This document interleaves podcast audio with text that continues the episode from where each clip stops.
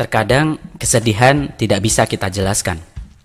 Kita kadang tiba-tiba merasa sedih dan kita tidak bisa menjelaskan sebab kesedihan kita itu. Kadang pula situasi dalam kehidupan mengharuskan kita untuk merasa sedih, membuat kita tenggelam dalam kesedihan, entah yang sementara ataupun sedih yang berkepanjangan. Tetapi kebanyakan situasi hati, entah sedih ataupun senang, mempunyai sebab yang ternyata bisa kita kendalikan. Nah, berikut ini adalah hal-hal yang menyebabkan kita tidak bahagia. Yang pertama adalah perasaan terlalu khawatir. Pada dasarnya, khawatir tidak menyelesaikan masalah. Sebaliknya, khawatir justru membuat kita sibuk memikirkan akibat buruk dari masalah tersebut dan melupakan untuk memikirkan solusi.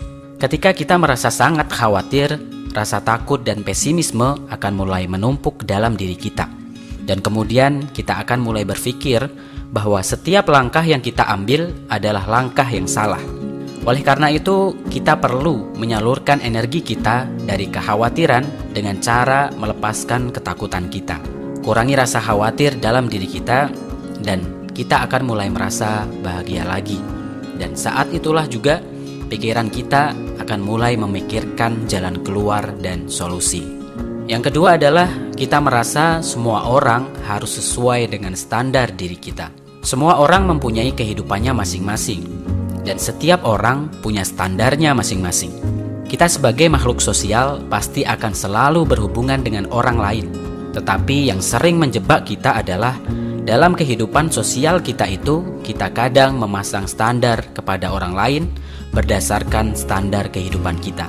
Kita mungkin punya standar yang cepat, sedang orang lain mungkin tidak begitu cepat. Sehingga kita merasa kecewa dengan orang lain atau merasa orang lain yang meninggalkan diri kita karena kita tidak bisa menyamai kecepatan orang lain itu. Oleh karenanya, kita harus belajar menghargai orang lain apa adanya belajar tentang keanekaragaman bahwa semua orang itu berbeda, bahwa setiap orang mempunyai standar kehidupannya masing-masing. Yang ketiga adalah kita memilih bahagia ketika semua mimpi kita menjadi kenyataan. Sebenarnya kita bisa bahagia kapan pun. Kesalahan yang paling sering dilakukan oleh seseorang adalah meletakkan kebahagiaan pada suatu yang mereka harapkan terjadi di masa depan daripada memilih untuk bahagia menikmati segala hal yang mereka miliki saat ini. Meskipun memiliki cita-cita atau impian yang tinggi itu adalah sesuatu yang bagus, tetapi masa depan adalah hal yang tidak pasti. Oleh karena itu, sikap yang benar adalah dengan menikmati prosesnya, bukan menikmati hasilnya. Belajarlah menikmati prosesnya, belajarlah menikmati hari ini, hargai keindahan sekitar kita sambil bekerja keras untuk mencapai mimpi kita di masa depan. Yang keempat adalah kita adalah gelas setengah kosong. Orang yang mempunyai sikap gelas setengah kosong adalah orang yang lebih fokus pada bagian negatifnya tanpa memperhatikan bagian positifnya. Orang yang seperti ini tidak akan pernah tahu kebahagiaan karena rasa pesimismenya yang menguasai sikap optimismenya. Kemudian yang kelima adalah tidak meluangkan waktu dengan hal yang positif. Sudah menjadi sifat manusia untuk lupa waktu dan sering teralihkan perhatiannya oleh hal-hal yang tidak penting. Akhirnya, waktu kita dalam sehari kadang hanya sia-sia begitu saja dan membekaskan rasa bersalah terhadap diri kita karena kita baru sadar bahwa hari kita ternyata tidak produktif sama sekali. Oleh karena itu, kita perlu merencanakan hari-hari kita. Buatlah catatan untuk melakukan hal yang positif, sehingga kita merasa puas dan merasa bahagia atas hal-hal yang telah kita rencanakan dan berhasil kita lakukan. Dan kurangi sebanyak mungkin hal-hal yang tidak berguna agar penyesalan kita semakin berkurang dan kita dapat memfokuskan energi kita kepada hal-hal yang jauh lebih penting. Yang keenam adalah kita belum menemukan tujuan. Banyak orang hidup dari hari ke hari tanpa tujuan yang jelas. Mereka bangun setiap pagi dan melanjutkan rutinitas harian yang sama. Dan ini membuat mereka seperti mereka tidak bergerak maju dalam hidup. Oleh karena itu, kita perlu untuk menentukan tujuan hidup kita, apa mimpi yang ingin kita capai. Pada awalnya mungkin akan tampak sulit untuk meninggalkan rutinitas kita yang dulu dan mulai bekerja dengan sesuatu yang baru.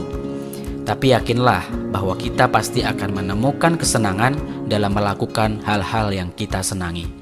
Yang ketujuh adalah kita adalah orang yang tergantung kepada orang lain. Meskipun hidup akan terasa lebih nyaman dan aman ketika kita mempunyai orang yang dapat kita andalkan tetapi itu bisa menjadi ketidaknyamanan ketika kita harus hidup dengan menuruti keinginan orang lain.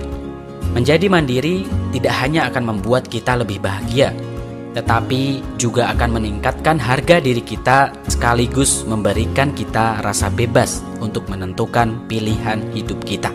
Yang kedelapan adalah tubuh kita sakit. Tubuh yang sehat mengarah pada pikiran yang sehat dan bahagia. Memberikan prioritas kepada kesehatan tubuh kita artinya kita memberikan kesempatan hidup kita untuk lebih bahagia. Oleh karena itu, buatlah tubuh kita sehat. Makanlah makanan yang sehat, tambahkan olahraga dalam rutinitas kehidupan kita, dan tidur yang cukup. Yang kesembilan adalah menyimpan dendam. Sebuah nasihat mengatakan bahwa menyimpan dendam seperti berkumur dengan racun. Harapannya kita bisa menyemburkan racun itu kepada orang lain, tetapi yang terjadi justru racun itu tertelan sendiri.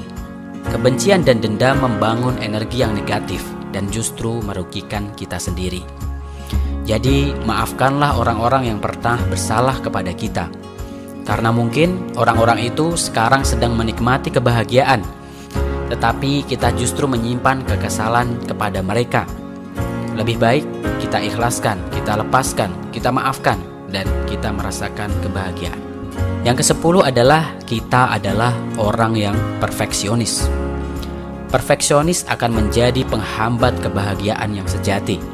Semua orang pasti pernah dan akan mengalami kegagalan. Jadi, mengharapkan kesempurnaan dari orang lain atau diri sendiri pasti akan membuahkan kekecewaan dan ujungnya adalah ketidakbahagiaan. Yang kesebelas adalah bosan. Kebosanan adalah penyebab ketidakbahagiaan. Bagaimana mengatasi kebosanan? Yang kita butuhkan adalah berpikir sedikit lebih terbuka dan mencoba hal-hal yang belum pernah kita lakukan atau mencoba sesuatu yang baru. Yang kedua belas adalah kita terlalu sibuk. Orang yang terlalu sibuk ibarat orang yang sedang naik kendaraan dalam kecepatan tinggi.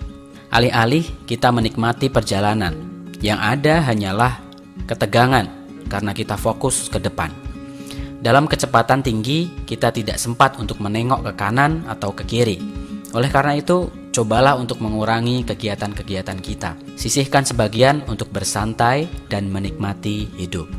Yang ketiga belas adalah mengabaikan peluang. Ketika kesempatan datang, kadang sering kali kita abaikan. Pada akhirnya, kita menyesali mengapa kita tidak mengambil peluang itu. Memang mengambil peluang kadang membuat kita tidak nyaman. Kadang peluang datang sekaligus dengan tantangan yang mengharuskan kita keluar dari zona nyaman, dan kita kemudian melewatkan karena kita menghindari resiko itu. Oleh karena itu, ambillah peluang, ambil risiko. Jika berhasil, maka tentu kita akan bahagia jika gagal, kita akan puas karena setidaknya kita pernah mencoba. Yang keempat belas adalah takut pada diri sendiri. Kurangnya rasa percaya diri adalah faktor yang menyebabkan ketidakbahagiaan. Karena ketidakpercayaan diri, seseorang menjadi sulit untuk mengambil keputusan. Kita harus mencoba untuk percaya pada diri sendiri. Jika saja, jika kita saja tidak percaya pada diri sendiri, bagaimana orang lain bisa percaya terhadap diri kita? bisa dipastikan tidak ada orang lain yang percaya pada diri kita. Yang kelima belas adalah terlalu peduli dengan perkataan orang lain. Pada umumnya orang lain sangat sulit untuk selalu menyenangkan diri kita. Apa pun yang kita lakukan pasti akan ada saja yang mengkritik. Jadi apa perlunya kita memperdulikan perkataan mereka? Selalu mencoba menyenangkan semua orang pada akhirnya akan gagal dan akan menguras tenaga dan kebahagiaan kita. Yang keenam belas adalah tidak berpikir bahwa kita layak bahagia. Hidup memang penuh dengan masalah dan tantangan. Semakin dewasa diri kita, mungkin kita merasa akan semakin banyak pula hal yang harus kita selesaikan. Tetapi bukan berarti kita tidak berhak untuk lebih bahagia. Semua orang berhak untuk lebih bahagia. Bahagia adalah mindset.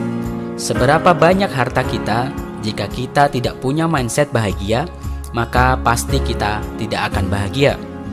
Sebaliknya, sebanyak apa pun masalah kita yang kita alami, jika kita mempunyai mindset yang bahagia, maka pasti kita akan bahagia. Nah, itulah beberapa hal yang harus kita hindari agar kehidupan kita menjadi lebih bahagia. Jika kamu suka dengan channel ini, like dan subscribe untuk mendapatkan informasi yang menarik lainnya.